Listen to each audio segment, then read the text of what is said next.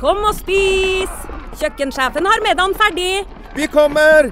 Vi skal bare Åh, det er da så morsomt her på Stiklestad! Ja, men sjøl en god viking må ha både mat og hvile. Og dessuten kan dere nå være noen dager. Velkommen til Scandic Stiklestad. Moderne fasiliteter i historiske omgivelser. Det var her det skjedde. Det er her det skjer.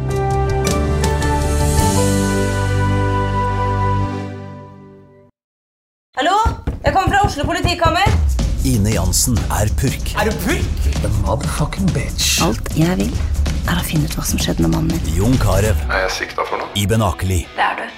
Ole So, Lars Berrum og Big Daddy Karsten. Hvem sin side er du på, egentlig? Anette Hoff, Tone Danielsen, Kommer du fra Afrika? Jørnis Josef, Nesten. Kløfta. Trond Espen Seim, Det er synd å si det, men det var feil mann som døde. Purk. Premiere tirsdag på TV2 Play.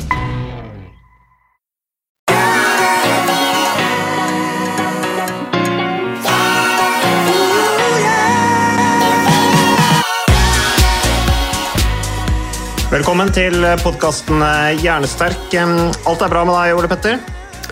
Du, her er det fint. En liten forkjølelse, eh, ikke covid, men eh, ellers bra. Så jeg sliter litt nå, for nå sitter jeg på kontoret mitt og ser ut på noen veldig fine skiløyper. Og jeg har skiene i bilen og har jo egentlig veldig lyst til å gå på ski, men så um, føler jeg møter meg litt i døra her. Jeg har jo uh, vært ute og sagt en del uh, i forskjellige fora at man uh, skal være litt forsiktig med å begynne å trene for tett etter sykdom.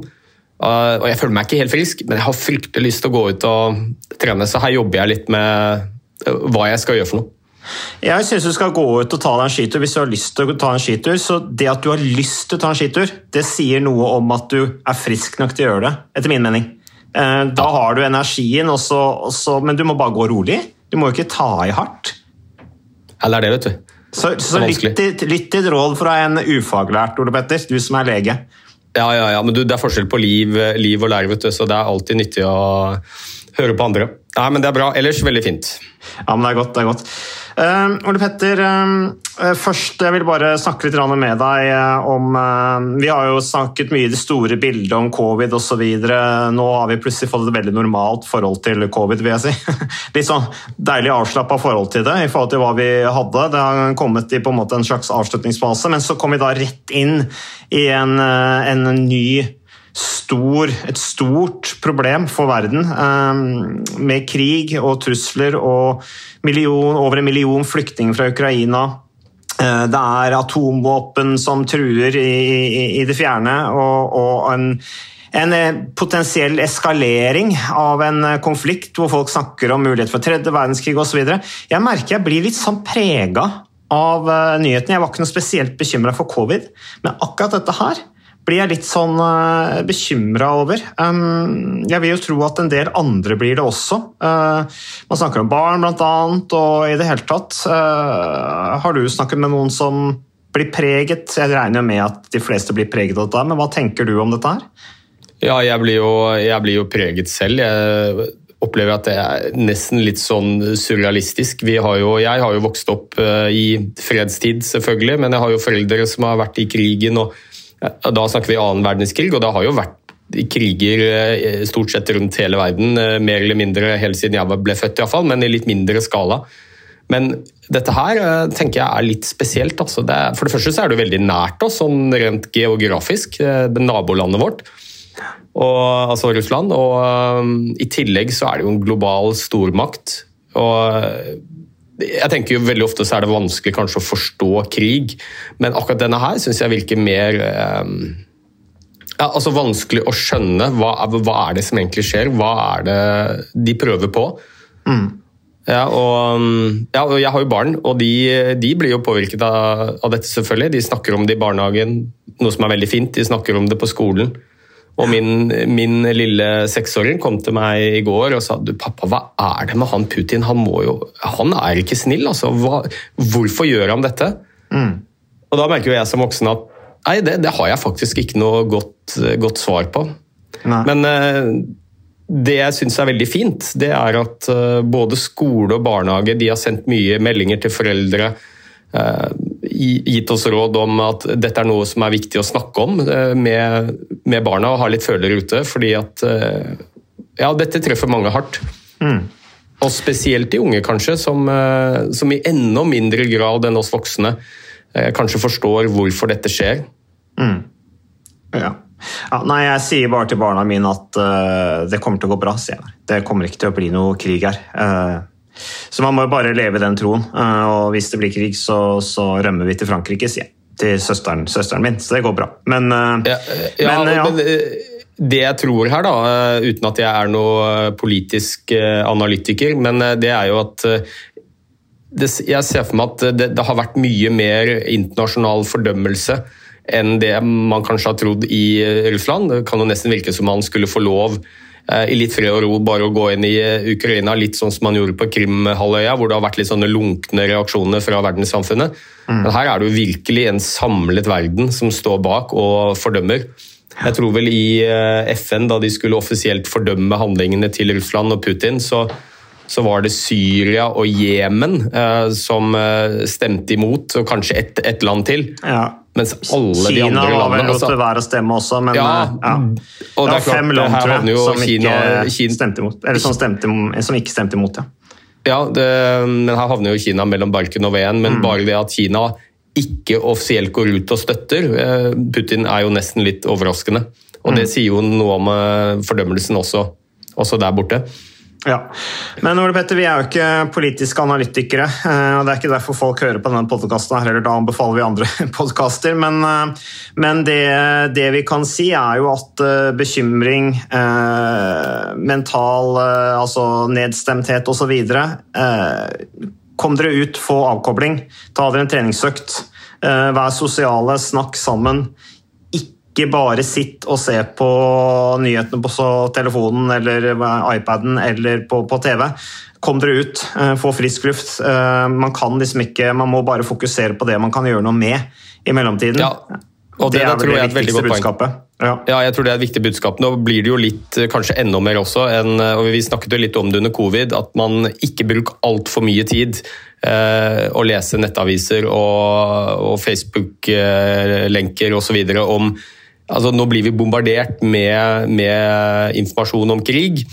Og kanskje noe av det lureste vi kan gjøre som for vår mentale helse, er å prøve å ja, redusere litt det omfanget hvor vi sitter og bare leser om krig, men eh, koble litt av. Ta deg en tur ut, hør på en podkast, som handler om noe helt annet enn krig. Ja.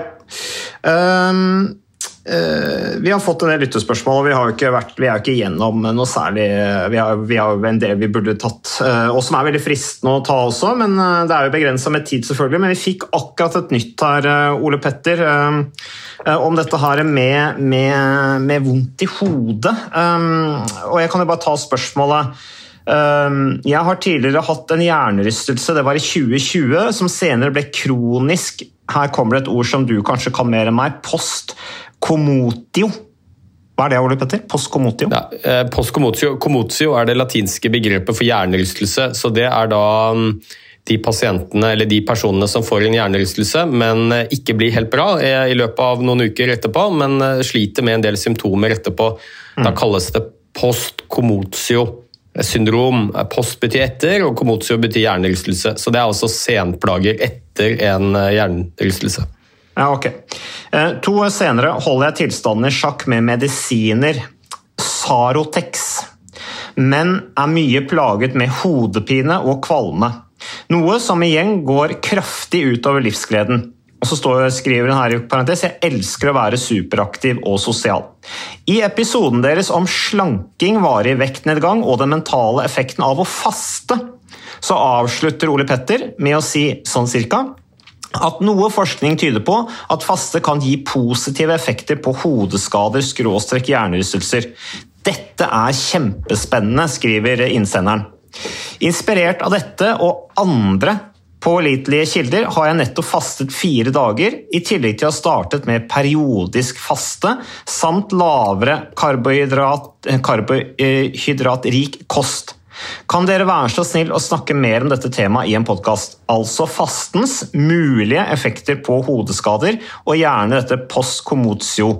Eh, eh, gjerne effekten dette har på post-commotio-pasienter. Tusen takk. Eh, Så Ole Petter, du syns det var et spennende spørsmål, du. Hvorfor det? Jo, jeg syns det er litt spennende, fordi dette er et eksempel på at mat også kan være medisin. Jeg har bare lyst til å si aller først at Dette med hjernerystelse det er ganske vanlig. Det er den klart vanligste eh, hodeskaden vi får. For de aller fleste så er det ufarlig, og symptomene går over i løpet av noen uker. Mm. Vi får det gjerne i forbindelse med fall, slag mot hodet, eh, som ikke er veldig alvorlige. Så i utgangspunktet så er jo ikke dette noe, noe farlig tilstand. Eh, og så ser vi at eh, 90% av de som får en hjernerystelse, de er bra i løpet av fire uker. Altså har ikke noen symptomer lenger. Men så er det ca. 10% så hvor symptomene vedvarer i måneder og til og med år, sånn som hos denne lytteren. Mm. Og Det er plagsomme symptomer. Det er hodepine, det kan være søvnvansker, problemer med syn, eh, hukommelse, oppmerksomhet, konsentrasjon. Og Dette er jo hjerneegenskaper vi virkelig er helt avhengige av i eh, hverdagen for å fungere. Så mange av disse pasientene er veldig plaget, gir betydelig nedsatt eh, livskvalitet og hverdagsfunksjon. Og mange er sykemeldt fra jobb, og det er mye de ikke får til. Og så finnes det ingen eh, god behandling for dette. Vanligvis når pasientene kommer til oss leger, så sier vi at ok, dette må gå sin gang. Eh, ta, ta det litt med ro, begrens lesing, se på TV. Mange får beskjed om at de bør trene litt mindre, for det kan trigge hodepine. Så det er veldig frustrerende for mange pasienter. Altså, vi har ingen god behandling. Men så viser det seg da at uh, det som kalles ketogene dietter, og det henger litt sammen med faste, så jeg tenkte jeg skulle si litt om hva det er for noe. Det er altså et kosthold som inneholder forsvinnende lite karbohydrater. Og I et anbefalt norsk kosthold fra Helsedirektoratet så anbefales det at mellom 45-60% av energiinntaket vårt i løpet av en vanlig dag bør komme fra karbohydrater. Så en del fra fett og resten fra proteiner. En ketogen diett ehm, da skal du ha mindre enn 10% karbohydrater i kosten din. Uh, og Det som skjer da, det er at uh, spesielt nervecellene dine sulter. For de vil veldig gjerne ha glukose, som, er, uh, som karbohydratet inneholder, som sitt ja, preferert. Det er yndlingsdrivstoffet til nervecellene. Mm. Og når du ikke får glukose fordi du spiser veldig lite karbohydrater, så må vi bruke noe annet, og det er noe som heter ketoner. Og Det er nedbrytningsstoffer fra fettsyrer som leveren lager. Mm. Eh, og De krysser inn til hjernen, og så kan de gi hjernen masse energi. Og dette er jo et, en helt genial evolusjonsmessig overlevelsesmekanisme, eh, utviklet gjennom millioner av år. Hvor vi på savannen i perioder med lite tilgang på mat, hvor vi ikke klarte å få i oss nok karbohydrater, så hadde vi fortsatt en del fett å tære på, og det kan brytes ned, og så kan hjernecellene få nok energi allikevel. Mm. Ja. Men så viser det seg at disse ketonene, da, som eh, vi lager enten når vi over tid ikke spiser, faster, mm. eller hvis vi spiser mat med veldig veldig lite karbohydrater. Da lages det ketoner. Og det viser seg at de ikke bare er energi for hjernen, de er også viktige for signaloverføringen mellom nerveceller. Og I tillegg så tror vi at de gjør nervecellene mer robuste. Så de er rett og slett beskyttende for nervecellene våre. Og dette har vi på et intuitivt nivå visst ganske lenge. Helt tilbake til 1920 så begynte man med ketogene dietter i behandlingen av epilepsipasienter. Hmm. Og dette var jo lenge før det kom moderne medisiner mot epilepsi, som vi har i dag. Eh, og det viste seg å være veldig effektivt. Vi bruker det fortsatt i dag, eh, på Statens senter for epilepsi bl.a.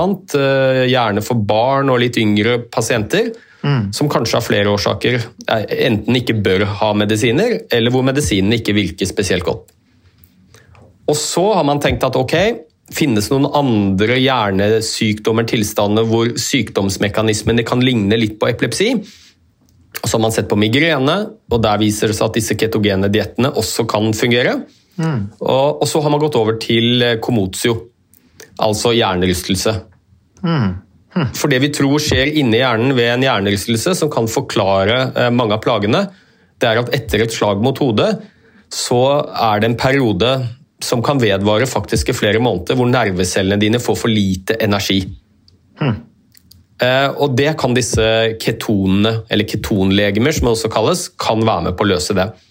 Så kort fortalt så, så, virker det som om ketogene dietter, da, dietter med veldig veldig lavt inntak av karbohydrater, det kan være gunstig for både epilepsipasienter, eh, migrenepasienter og også denne gruppen med det vi kaller post-komotio-syndrom. Ole Petter, Det er litt spennende du sier det. Jeg driver og kommenterer sykkelrittet Paris-Nice nå vi, eh, i disse dager hvor vi spiller den podkasten. I sykkelmiljøet så er det jo blitt veldig, har vært mye opprydninger pga. Uh, utallige dopingskandaler. Uh, og så er det jo alltid sånn at man er på uh, Ulike miljøer er på utkikk etter nye metoder på en måte å skape prestasjonsfremgang uten å bryte dopingreglene. Eh, og nå er det jo Det som liksom er nå i søkelyset, er ketoner. Altså, altså man tar ketontilskudd på en eller annen måte. Jeg vet ikke hvordan det tas, jeg tror det tas i, i, pilleform. Og det er noen lag som har gått ut offentlig og sagt at ja, vi bruker ketoner. Og så er det noen lag som har sagt at vi tar avstand fra ketoner. Noen lag ønsker også å forby det. Eh, og at det skal, settes på forbudslista. Eh, og da noen lag har gått sammen om at liksom, ja, vi, vi, vi, bruker det ikke. Og så er det flott selvfølgelig de lagene som bruker det, at de er åpne med det. Men i hvilken sammenheng er det da prestasjonsfremmende, eh, denne ketontilskuddet som da disse ulike profflagene tar. Altså, det har vel noe med vekt å gjøre, det vil jeg anta da, at de, de, de, det hjelper de å, å, bli tynnere? Mer konsentrert, kanskje? Jeg vet ikke. Ja, men her, her, tror jeg vi må skille litt mellom det å spise en ketogendiett. Altså, det er jo ikke noe jeg ville anbefalt uh, toppidrettsutøvere i, i, det hele tatt. Fordi at uh, glukose er vi helt avhengig av for å prestere optimalt, spesielt i utholdenhetsidretter. Mm. Det er det næringsstoffet som gir oss raskest energi. Så det å drive og spise ketogendiett uh, og trene mye og trene hardt, eh, det vil sannsynligvis redusere prestasjonen ganske betydelig. Men det vi snakker om her, er jo kanskje mer å, å spise en Kall det et normalt kosthold, eh, som er optimalisert for trening, som inneholder mye karbohydrater. Men i tillegg ta tilskudd av ketoner. For det, som jeg sa i sted, så er det mye som tyder på at disse ketonene de har en del beskyttende effekter på cellene våre. Det vi kaller antioksidanteffekt. Mm. Ukas annonsør det er uh, HelloFresh. Og uh, hvis du nå går inn på hellofresh.no og bruker koden 'fresh hjerne', så kan du få opptil 1779 kroner rabatt på da de fem første matkassene dine hvis du ikke har prøvd Hello Fresh enda. Og Ole Petter, vi er jo glad i Hello Fresh i podkasten Jernsterk, selvfølgelig fordi at de er en annonsør. De er med og bidrar til å spre det glade ordet om fysisk aktivitet og god helse. Men i tillegg så har jo vi også nå lang erfaring med Hello Fresh eh, selv. Så vi må jo si at det har vært gode erfaringer til nå. Ja, absolutt. Visste du Mats, at HelloFresh det er faktisk verdens ledende matkasseleverandør? og Tilbudene til HelloFresh gjør det enkelt å lage gode og varierte retter som skaper matglede. Og matglede vet du, det er like viktig som hva du putter i munnen. Det å spise mat med folk du trives med. Så gjennom 25 nye og inspirerende retter hver uke så bidrar HelloFresh til dette. Du kan bestille ekstra operasjoner om du får gjester, eller hoppe over uke hvis du f.eks. skal bort. Mm. Og Det er ingen bindingstid, og du velger leveringstidspunkt og dag selv, så leverer Hello Fresh matkassen din akkurat når det passer deg. Ikke dårlig, Mats. Nei, det er veldig bra. Så, eh, og dette er med enklere hverdag, det kan jeg nå skrive under på. For nå, forrige erfaring vi hadde forrige uke, Ole Petter, det synes jeg var Det var jo et gjennombrudd eh, for familien Kaggestad. For da lagde rett og slett barna de lagde middag og serverte middagen, så den var ferdig laget og servert da når eh, min kone Marita og meg kom hjem fra jobb. Og jeg mener Det var jo bare helt utrolig. Eh, det var helt fantastisk. Det ble en nydelig middag. Riktignok de, de, de, de roter og søler litt, det gjør de. Så, men, men, maten ble veldig god. De var veldig stolte over å kunne å ha både laget og servert maten, så det var helt fantastisk. Så vi har jo da i siste så har vi eh, spist eh, bl.a. sitron- og dillstekt hyse med ovnsbakte grønnsaker og aioli. Eh, Vi har spist middelhavsinspirert kylling. Taco, så finnes det mange ulike typer taco. F.eks. vietnamesisk taco, som vi har spist. Thailandsk vegetargryte.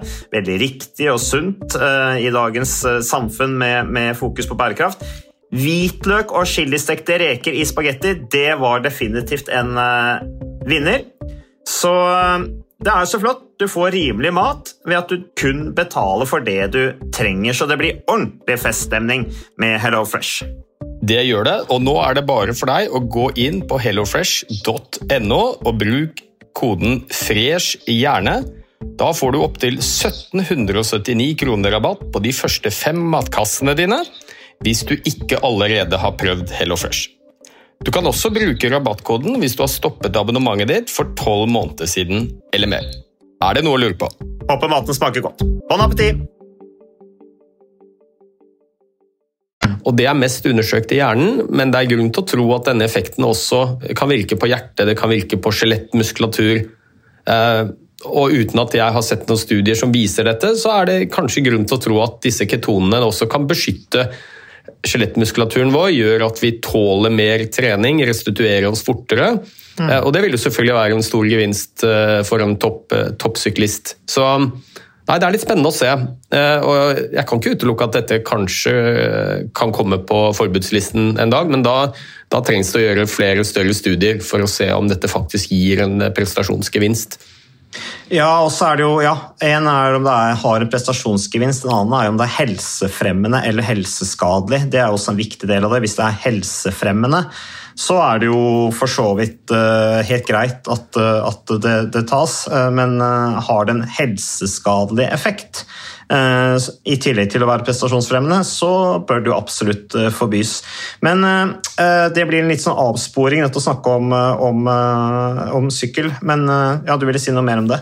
Ja, jeg har bare lyst til å si noe om akkurat det du snakket om der. Eh, Hvis, hvis vi nå snakker om disse ketogene diettene eh, Nå har jeg snakket om bruken av de i behandling eh, hos pasienter som har plager som man ikke klarer å finne annen god behandling for. Eh, Så er disse ketogene diettene verdt å prøve, det tenker jeg.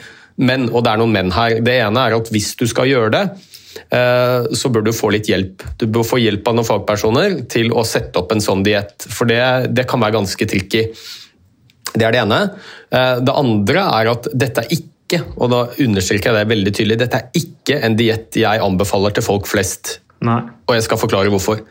Eh, De som sliter med hodepine, kanskje migrene, eh, og ikke har klart å, finne noen god løsning på det, vært hos lege, fått undersøkt, bekreftet at det er diagnosen, kanskje prøvd annen tilgjengelig behandling, f.eks. medisiner, fortsatt er mye plaget, så tror jeg en sånn diett kan være verdt å prøve.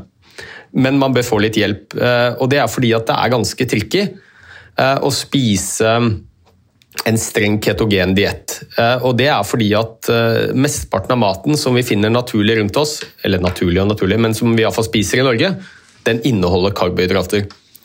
Og så ligger det jo litt i sakens natur at hvis du skal fjerne 50% av energiinntaket ditt, for det er det det er snakk om La oss si at du spiser 60% karbohydrater, eh, som er ganske vanlig i Norge, og så skal du gå ned til under 10 da er det mye som må bort. Og det må selvfølgelig erstattes av noe annet.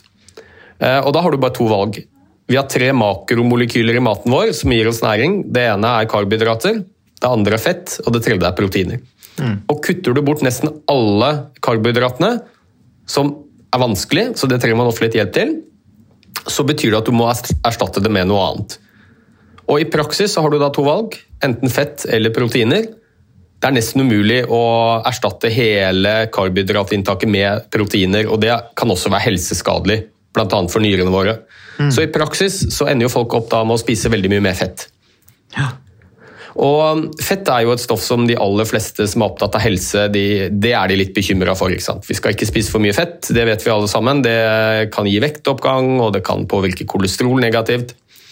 Det som er kjernen her, er jo at det er ikke fettet i seg selv som er helseskadelig, det er hvilken type fett du spiser. Og Vi har to hovedgrupper med fett. Vi kan kalle det ene mettet, det er det usunne fettet. Litt enkelt sagt, og det er jo hardt fett. Type smør, meieriprodukter, eh, fett fra kjøtt, blandingsprodukter. Ja, altså Pølser, hamburgere, kjøttkaker, eh, bacon, alt dette her. Det er det harde fettet. Det vet vi veldig godt. Det er godt dokumentert at spiser du veldig mye av det over tid, så øker det betydelig risikoen for hjerte-karsykdom. Den andre typen fett det er det umettede fettet, og gjerne det vi kaller flerumettet. Det er det flytende fettet, litt enkelt sagt. Det er type planteoljer. Soyaolje, rapsolje, solsikkeolje, soy, ja, oliven. Mm. Det er eh, fettsyrer fra fet fisk, omega-3-fettsyrer. Vi finner det også i avokado, vi finner det i nøtter. De sunne fettsyrene, hvis du spiser mye av de, istedenfor det mettede fettet, så vil det ikke gi noen negativ eh, konsekvens for helsa di. Det er iallfall ganske godt dokumentert. Problemet er at nesten alle som eh, spiser ketogene dietter, de øker betydelig inntaket av mettet fett. Som vi vet godt er skadelig for helsa. Så Det er én grunn til at jeg ikke anbefaler det til folk flest. Mm. Den andre grunnen er at det er fryktelig vanskelig å holde fast ved disse strenge ketogene diettene over tid. Det er ekstremt mye mat du ikke kan spise, og det er tøft. For når du går i en sånn ketose, så, du, eh, så sulter du egentlig cellene dine. Eh, Og det oppleves ganske ubehagelig, iallfall initielt. Det går utover humør, man føler seg kronisk sulten. Så går riktignok det litt over etter hvert, men eh, det er de færreste som klarer å holde fast ved en ketogen diett veldig lenge. Og jeg tenker at skal du gjøre noen endringer i kostholdet ditt, så bør det være noe som kan være varig. Um, og Den tredje grunnen til at jeg er litt skeptisk til å anbefale dette til folk flest, det er at uh, det er fryktelig mye mat du ikke kan spise. Og det gjør noe med oss, f.eks. i sosiale settinger. Uh, så er det vanskelig å spise mat du får på restaurant, det er vanskelig å spise mat du får servert hos andre. Det å hele tiden tenke at her er det mye mat jeg ikke kan spise, det gjør gjerne noe med forholdet vårt til mat over tid. Ja, Så- det blir jo litt sånn besettelse. Det, det, du må konsentrere deg hele tiden om dette her, så det tar jo veldig, det tar, tar veldig mye av tiden din, da. eh, Og tar veldig mye av livet ditt. Ja, så Det er den viktigste grunnen til at jeg ikke anbefaler disse strengeste ketogene diettene for folk flest. Mm. Når det er sagt, så er det en ganske effektiv måte å gå ned i vekt på. Så det er mange som bruker det, men heldigvis så finnes det noen eh, litt sånne light-versjoner av ketogene dietter, hvor du ikke går i det vi kaller full ketose, som kan oppleves ganske ubehagelig og er litt vanskelig å holde fast for over tid. Og Det er disse lavkarbodiettene hvor du reduserer noe og til dels betydelig på inntaket av karbohydrater. Eh, Der stiller seg en litt annen eh, situasjon, men uh, Beklager, der har du forkjølelsen din. I, eh, I bunn og grunn så pleier jeg å si i fall til pasientene mine at eh, det er helt greit eh, å redusere på karbohydratinntaket ditt. Det kan være bra for, eh, for helsa, det kan være bra for vektnedgang. Men pass på at det er noe du tror du kan fortsette med resten av livet. Altså Det ikke bare blir en sånn tiukers bootcamp hvor du presser kroppen din til å, å fjerne mye mat som du egentlig har lyst på. Men Ole Petter, eh, innsenderen her, eh, lytteren vår, eh, som jo beskriver at eh, dette er en hjernerystelse, gått på medisiner Sarotex. Eh, Sarotex, hva er det for en type medisin? Ja, Det er en litt eldre antidepressivt legemiddel, og, og da reagerer jo ofte en del når de hører det, men må huske at disse gamle antidepressive legemidlene de er nå blitt erstattet med nyere, mer moderne. Så i dag så bruker vi ofte disse mm, gamle antidepressive legemidlene som Sarotex, eh, f.eks. Mot, eh, mot smerter og hodepine og an, an, ja, andre plager. da. Men eh, vedkommende beskriver jo også at hun syns det er kjempespennende dette her du snakket om, om faste i forhold til hodeskader, som du nå har snakket om. men hun skriver også at hun har nettopp fastet fire dager. eh, og det her snakker vi ikke da om eh, at hun har endret kosthold til en ketogendiett. Men altså hun fastet, da oppfatter jeg som at da spiser du nesten ingenting. da. Du drikker bare vann, eventuelt.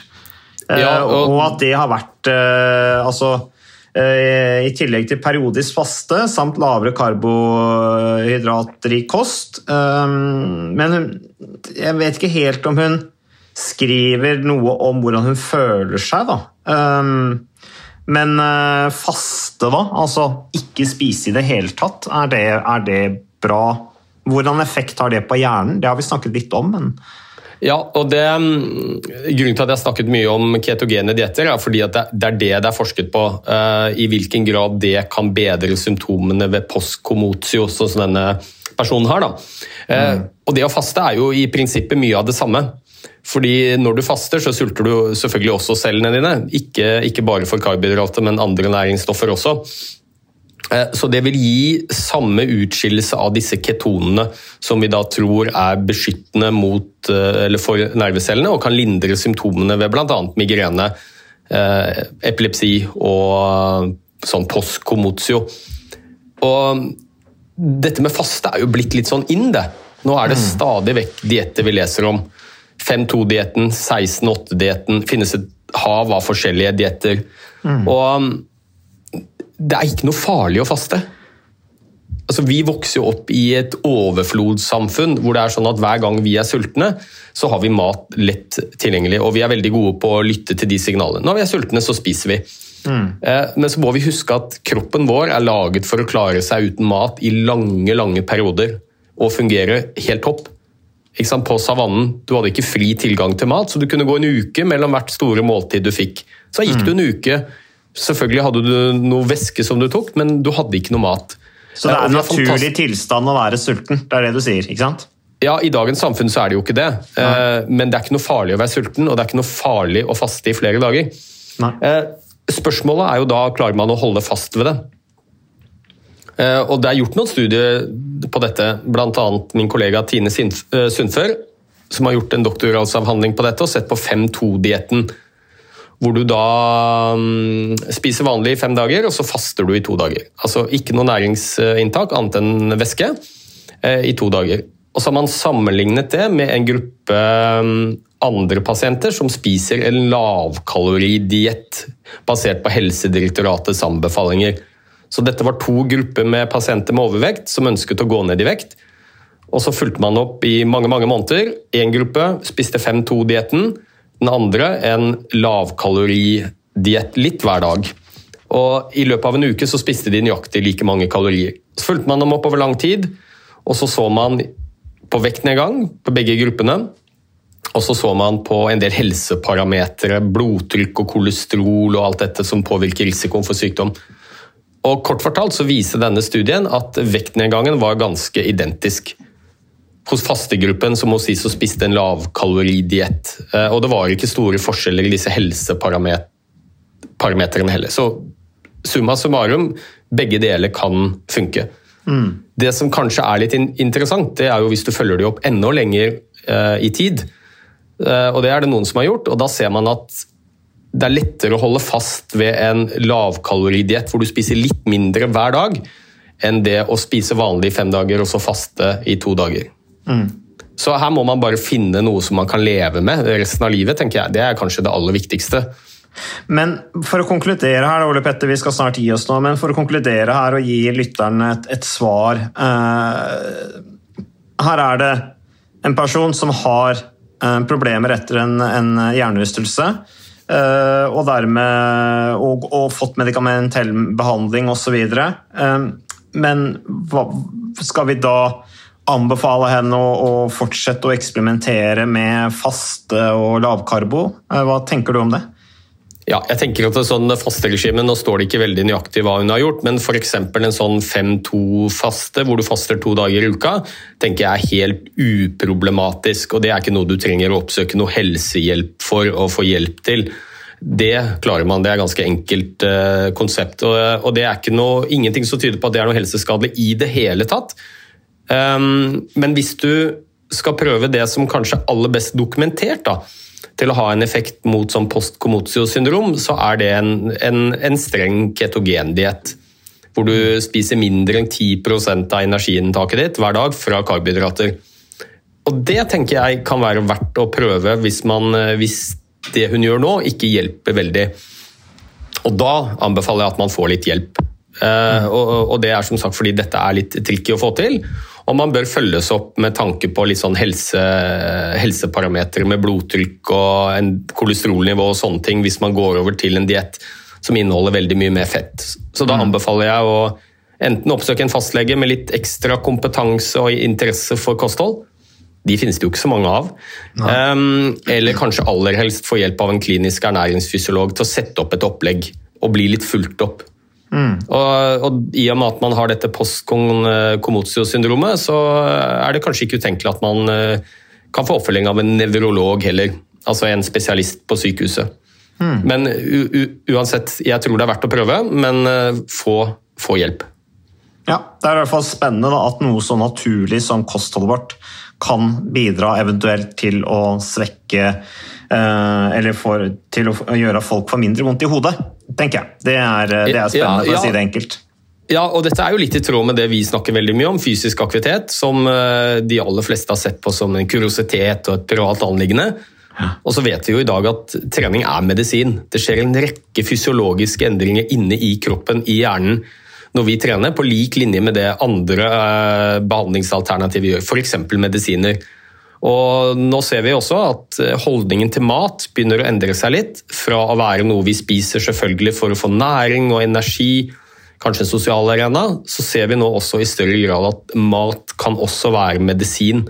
Den maten vi spiser påvirker mange prosesser inni kroppen, og kanskje spesielt i hjernen vår. For hjernen er det organet som bruker mest energi, og trenger mest energi også. Så det er ganske åpenbart at de næringsstoffene vi spiser, de påvirker kanskje hjernen vår i enda større grad enn resten av, kroppen. Og det syns jeg er litt eh, interessant, at vi nå begynner å få to enkle, tilnærmet gratis og bivirkningsfri eh, alternativer til behandling ved en rekke forskjellige sykdommer. Gjerne i tillegg til annen behandling, selvfølgelig. Tusen takk, Ole Petter. Det var, eh, og tusen takk til eh, vår kjære lytter som sender inn eh, spørsmål. Da tenker jeg du skal komme deg ut på ski, og så er vi tilbake med en ny episode neste uke.